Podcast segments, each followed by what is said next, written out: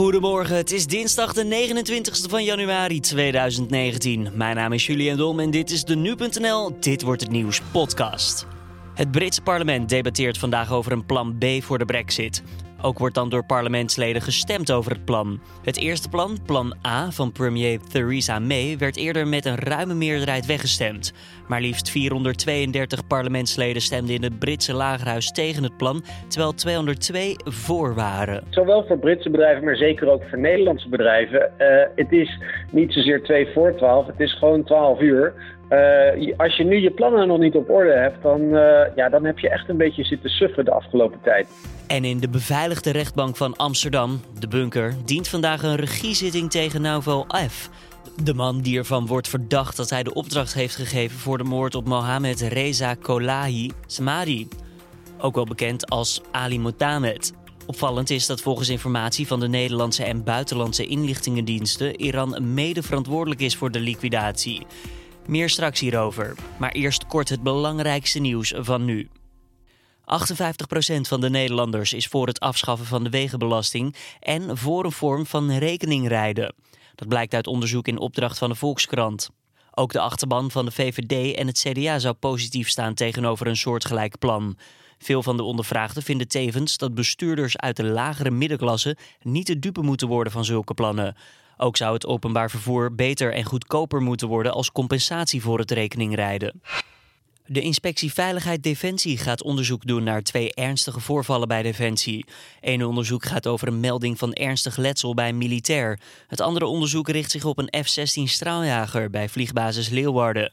Dat toestel liep aanzienlijke schade op tijdens een schietoefening op Vlieland. En de celstraf tegen Paul Manafort, de voormalig campagneleider van de Amerikaanse president Donald Trump, is voor onbepaalde tijd uitgesteld. Manafort zou namelijk hebben gelogen tijdens de deal die hij sloot met speciaal aanklager Robert Mueller. Mueller doet onderzoek naar mogelijke banden met Rusland. Volgens Manaforts advocaten klopt het niet dat hij heeft gelogen en zijn de onjuistheden in de verklaringen te wijten aan geheugenverlies. Nu heeft de rechter besloten dat de celstraf die Manafort boven het hoofd hangt uitgesteld wordt, omdat de leugens effect zouden kunnen hebben op de lengte van die straf. En dan gaan we naar de interviews van vandaag, oftewel dit wordt het nieuws. Het Britse parlement debatteert vandaag over een plan B voor de brexit. Daar wordt ook meteen over gestemd. De eerste versie van de deal, die door premier Theresa May werd gepresenteerd, werd met een ruime meerderheid weggestemd. Een constante blijft het struikelblok over de Ierse backstop. Deze Ierse kwestie is het heetste hangijzer in de onderhandelingen over de uittreding van de Britten. Als er aan het einde van de transitieperiode geen handelsakkoord ligt, ontstaat er weer een harde grens tussen Noord-Ierland en Ierland. En dat is iets wat beide partijen kost wat het kost zouden willen voorkomen. We praten hierover met Rem Korteweg, Brexit-expert bij het instituut Klingendaal. Want hoe kijkt hij eigenlijk naar dit Britse circus? Nou ja, het is wel een uh, opeenstapeling van, uh, van crisismomenten, uh, verrassingen um, en besluiteloosheid in het Verenigd Koninkrijk. Dus wat we gezien hebben de afgelopen weken is allereerst dat Theresa May een, um, motie van wantrouwen binnen haar eigen partij overheeft. Daarna... Um, met de grootst mogelijke nederlaag, of althans de grootst mogelijke, de grootste nederlaag ooit in de Britse parlementaire geschiedenis, wordt haar akkoord uh, verworpen door het Britse parlement. Daarna overleeft ze een motie van wantrouwen van het parlement. En um, ja, het is eigenlijk allemaal nog niet duidelijk op, duidelijker op geworden wat voor brexit we gaan krijgen.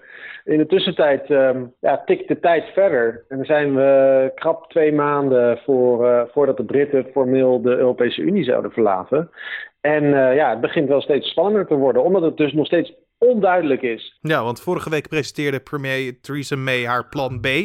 Nou, we kunnen wel zeggen ja. dat het eigenlijk hetzelfde plan was met een aantal beloftes uh, die eraan toegevoegd waren. Uh, maar natuurlijk ja. uh, een toevoeging van een plan die al eerder weg is gestemd, massaal. Ja. zit het nou echt zo vast dat er verder dan deze ene deal eigenlijk niks anders te verzinnen is? Nou, waar, de discussie nu op, uh, op spaak loopt, op de padstelling die we eigenlijk al een tijdje zien, gaat allemaal over die Noord-Ierse grens, die noodoplossing, die backstop. Uh, het is belangrijk om, de onder, om te onderstrepen dat, dat die backstop, daar, ja, daar hikken een hele hoop Britse parlementariërs hikken daartegen. En die zeggen, weet je wat, wij, uh, wij willen best akkoord gaan met... Uh, die deal van Theresa May, die ze samen met de 27 heeft gesloten, maar dan moet die backstop eruit. Maar die backstop is cruciaal. Die is cruciaal voor het Brexit-akkoord, omdat beide partijen, de EU en de Britten, hebben afgesproken dat ze een harde grens, kosten wat het kost, willen vermijden tussen Noord-Ierland en Ierland. En als daar geen alternatief voor ontstaat, dan zal de EU zeggen van ja, we kunnen niks veranderen aan die tekst. En wat de discussie de komende dagen gaat zijn en wat dinsdag in het moment is dat waarschijnlijk er een motie aangenomen gaat worden van het Britse parlement die zegt wij willen van die backstop af. En daarmee ja, wordt de druk verder opgevoerd, want de afgelopen maanden heeft de Europese Unie al aangegeven dat aan die backstop niet gesleuteld gaat nee, worden. Zeker niet. En dan stevenen we af op, uh, ja, op, een, op een muur, waarvan het nog maar de vraag is wat er aan die andere kant van die muur ligt. Of dat een no-deal is, of dat, dat toch de Britten of de Europeanen water bij de wijn gaan doen. En op dit moment Britse bedrijven die smeken politici om uh, echt uh, te stoppen met ruzie maken over de brexit en tot die overeenstemming te komen. Uh, hoe erg denk jij dat het op dit moment gesteld is met de angst voor een slechte deal of nou nog erger een no-deal voor het Verenigd Koninkrijk? Ik denk dat die kans uh, aannemelijk is. Die is. Het is misschien niet het meest waarschijnlijke scenario. Maar ik, uh, uh, ik denk dat het risico van een no-deal absoluut niet geweken is. Dat bedrijven daar zeer mee rekening moeten houden. Um, omdat die Britse politiek zo wispelturig is op dit moment. En Theresa May lijkt um, ja, hoog spel te spelen door te zeggen van ja, het is mijn akkoord of het is een no-deal. Daar komt nu het Britse parlement doorheen die zeggen van nou, wij willen van die backstop af, wat niet geaccepteerd gaat worden door de Europese Unie. Ja, dus die kansen op een no-deal die, nemen alleen maar toe.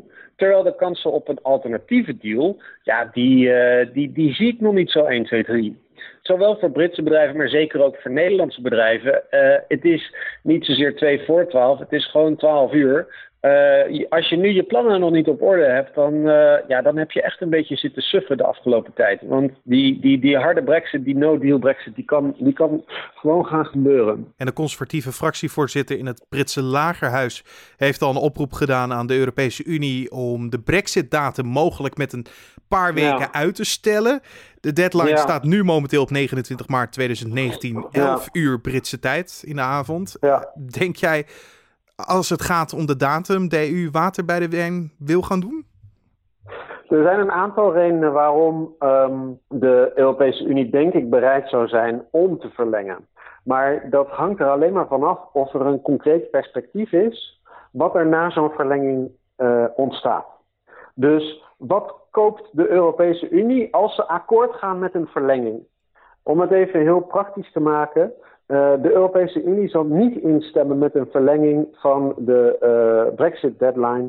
Uh, als het alleen maar bedoeld is om de Britten de kans te geven om nog een aantal keer in rondjes te draaien om hun, eigen, om hun eigen discussie over wat ze nu precies wel of niet willen van Brussel.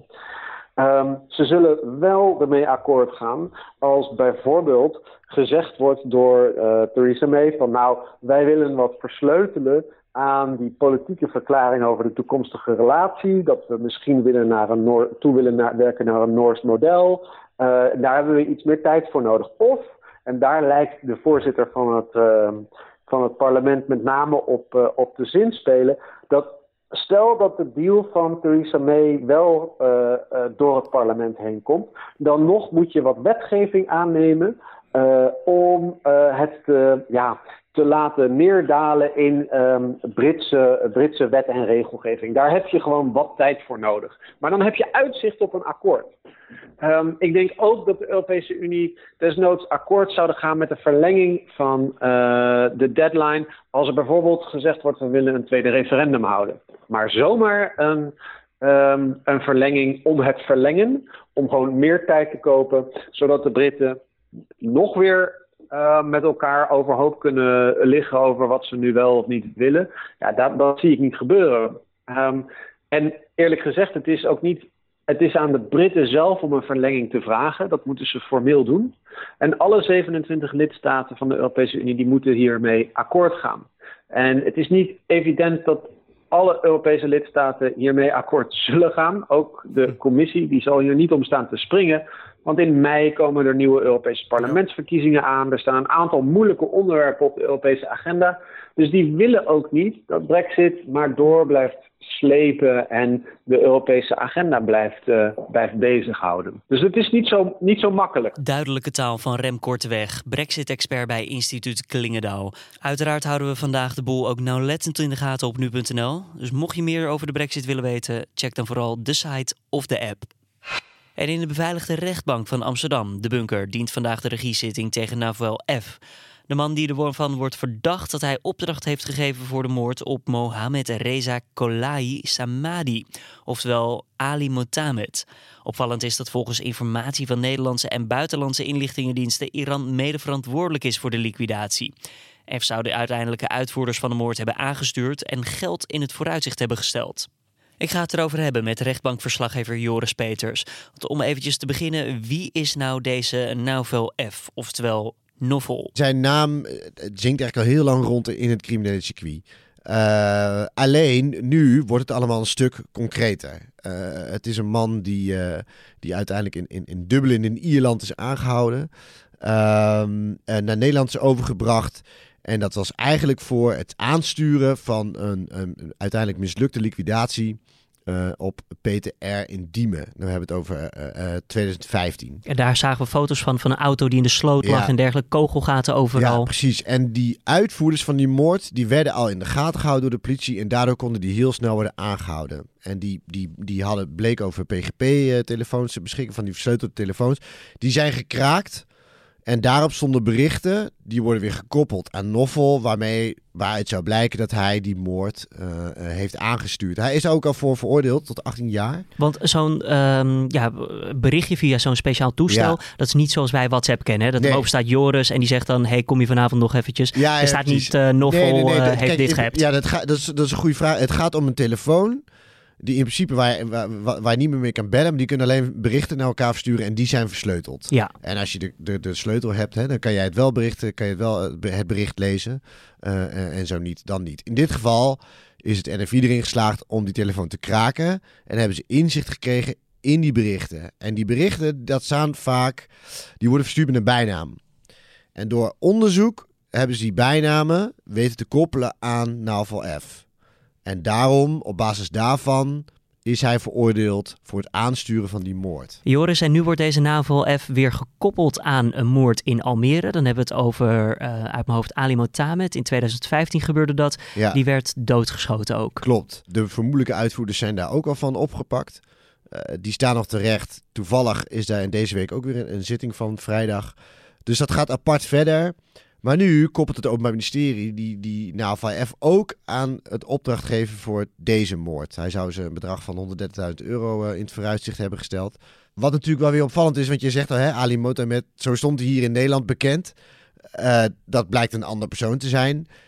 En nu hebben we begin januari te horen gekregen dat uh, volgens de AIVD die opdracht, die moord in de opdracht is gedaan uit Iran. Uh, om even te begrijpen, kort samengevat, Adi Motometer wordt verdacht van een grote aanslag in Iran, waarbij zeker 80 doden zijn omgekomen. Uh, 80 mensen zijn omgekomen, sorry. Um, en ja, uh, de opdracht lijkt dus voor te komen uit een soort wraak. Hij was in Iran ook al veroordeeld tot de dood. Ja, toen was hij naar Nederland verhuisd. Wij ja, wisten precies. niet wie het was. Nee. Uh, hij heeft hier een normaal leven, zou hij hebben geleefd. Ja. En uiteindelijk werd hij doodgeschoten. Pas toen kwam eigenlijk die hele achtergrond naar voren. Ja, zeker. Ze konden hem helemaal niet koppelen aan criminaliteit of zo. Dus ze, ze vroegen zich af hoe, hoe, dat kwam. En toen werd inderdaad duidelijk dat hij eigenlijk iemand anders was. Um, nou goed, de uitvoerders zouden inderdaad voor niets anders dan geld het hebben gedaan. En nu blijkbaar zou die opdracht door, door Noffel zijn verstrekt. En op een of andere manier is Iran dus met deze crimineel in contact gekomen. Je komt niet zo met de eerste en de beste. Je gaat niet naar de bakker om de hoek opvragen om iets te, crimineels nee. te doen. Dus deze man, deze novel, die staat hoog in een soort van criminele piramide. Als we ja. zo even een schema moeten voorstellen. Ja, nee, hoe hoog staat hij dan? Want dit zijn verschillende liquidaties en hij, zijn naam komt naar voren. Ja, klopt. Ja, ja want we hebben nog een, een nog een, een, derde moord van, op Vincent Jalek in Diemen, waar die nu ook aan wordt gekoppeld. Ieder daar wordt onderzoek naar gedaan. De, ja, dus we hebben het hier zeker niet met de eerste de beste te maken. En dat, hij komt ook voort uh, in het onderzoek uh, naar Ridwan Taghi en Rico de Chileen. Zo, zo staat hij bekend. Richard R. heet die man. Ehm, en, en wat justitie vermoedt, is dat deze drie heren eigenlijk een zeer, zeer grote rol vervullen in de cocaïnemafia. Uh, daarbij met z'n drie hebben samengewerkt en een soort van aansturende rol binnen, binnen die organisatie hadden. We weten daar nog steeds niet alles van. Maar dat beeld komt steeds meer naar voren in de zittingen bijvoorbeeld. Hè, want die Richard R. zit ook vast daar wordt het gewoon gezegd zo van oké, we kijken ook naar de samenwerking met Noffel. Op welke manier dan? Het OM gaat hier ook slim te werk door stukje voor stukje iets naar buiten te brengen. En niet in één keer alles. Nee, precies. Dus ja, dat onderzoek is natuurlijk heel belangrijk. En dat gaat ook weer allemaal, hè, die, die Enetcom server, waar we het ook wel eens eerder over hebben gehad. Hè, dat, dan hebben we het weer met die PGP-toestellen waar, PGP, waar die berichten allemaal zijn bewaard. Ja, en die, daar wordt zoveel onderzoek naar verricht. Dus daar komt steeds meer uit. Daar komt steeds meer uit. En er komt gewoon, ja, dat beeld wat er eigenlijk al langer is kan nu concreet worden gemaakt. We hebben het wel eens over het monsterproces tegen Willem Holleder. Hè? Zo groot, duurt zo ontzettend lang. Maar nu dit allemaal stap voor stap aan elkaar lijkt te plakken of met elkaar te maken heeft, is dit niet veel groter? Ja, dat is veel groter omdat, nou ja, het, het, kijk, Holleder bestaat gewoon, dat proces bestond uit heel veel zittingsdagen, maar ging wel maar op één persoon. En nu hebben we het over zaken tegen een criminele organisatie. je ziet het al, dat, dat was vorige week met de moord bijvoorbeeld op Martin Kok. Daar werd ook al gezegd, er staat een verdachte in terecht. Laten we die zaak samenvoegen met een groter onderzoek. Dat is genaamd Marengo naar Ridwan Taghi. En dat, dat moet allemaal bij elkaar komen. En dat is nu al zo'n, nou ja, wat jij zegt, megazaak aan het worden. En die zijn ook allemaal weer te koppelen aan, nou ja, hè, wie weet uiteindelijk Noffel, wie weet uiteindelijk uh, Richard R. Ja, nee, dat, uh, ja, uh, het begint er meegezaakt te worden. Maar ik denk dat ze wel zullen proberen te voorkomen um, dat dit echt allemaal bij elkaar terechtkomt. Dus Omdat het dan te lang zal duren. Dan wordt het, ja, we hebben het passageproces gehad. Dat duurde volgens mij tien jaar lang dat, dat willen ze dat, dat nooit meer, zeg maar. Dat is wel een beetje de heersende gedachte. Dus het, het is groot, maar ze zullen het ook wel... ze hebben ervan geleerd. Ja, dat, uh, dat denk ik wel, ja. Hey, uh, om af te sluiten, Novel die zit al vast. Die heeft ja. uh, flink wat jaren cel gekregen al. Ja. Um, dus zijn, cel wordt alleen, zijn celstraf wordt alleen maar langer als die nu ook veroordeeld zou nou, ja, worden. Ja, ja, bedoel, de, de, de, hij kijkt tegen levenslang aan uiteindelijk. Als dit allemaal wordt bewezen, dan, uh, dan, dan zit er een levenslange straf in. Ja, als hij, als hij voor drie moorden schuldig wordt bevonden. En levenslang in Nederland is dan ook daadwerkelijk, zoals de naam zegt, levenslang. Dankjewel Joris Peters, rechtbankverslaggever van nu.nl. En dan kijken we nog eventjes naar het weer van deze dinsdag de 29ste. Het KNMI heeft voor de ochtend code geel afgekondigd. Door bevriezing van de natte wegen is er namelijk kans op gladheid. Voorzichtig dus. De code geldt tot ongeveer 11 uur. Daarna zal de dooi echt wel toeslaan. De rest van de dag wisselen wolken en zon elkaar af met hier en daar nog wel een winterse bui. Het wordt maximaal 5 graden. En dan nog even slecht nieuws over zeekoeten op de Waddeneilanden. De afgelopen weken zijn er namelijk honderden doden aangespoeld. En ook zijn er veel verzwakte dieren gevonden die nu, ja, voor zover mogelijk, worden opgevangen. Waardoor de beesten er slecht aan toe zijn is niet duidelijk. Daar doet Wageningen Marine Research nu onderzoek naar. Volgens de vogelopvang op Terschelling worden er vrijwel nooit zeekoeten gezien aan de Nederlandse kust. En als we die wel in Nederland zien, dan gaat er bijna altijd iets niet goed. Dit was dan de Dit Wordt Het Nieuws podcast van deze dinsdag de 29e alweer. De podcast staat elke doordeweekse ochtend om 6 uur ochtends op de voorpagina van nu.nl, in je app of op de website. Wat vond je van de uitzending? Laat het even weten via podcast.nu.nl of laat een reactie achter in een van je eigen favoriete podcast apps. We lezen ze echt allemaal, dus um, ja, we zijn ermee gebaat. Mijn naam is Julian Dom, voor nu een hele goede dinsdag en ik spreek je morgen weer.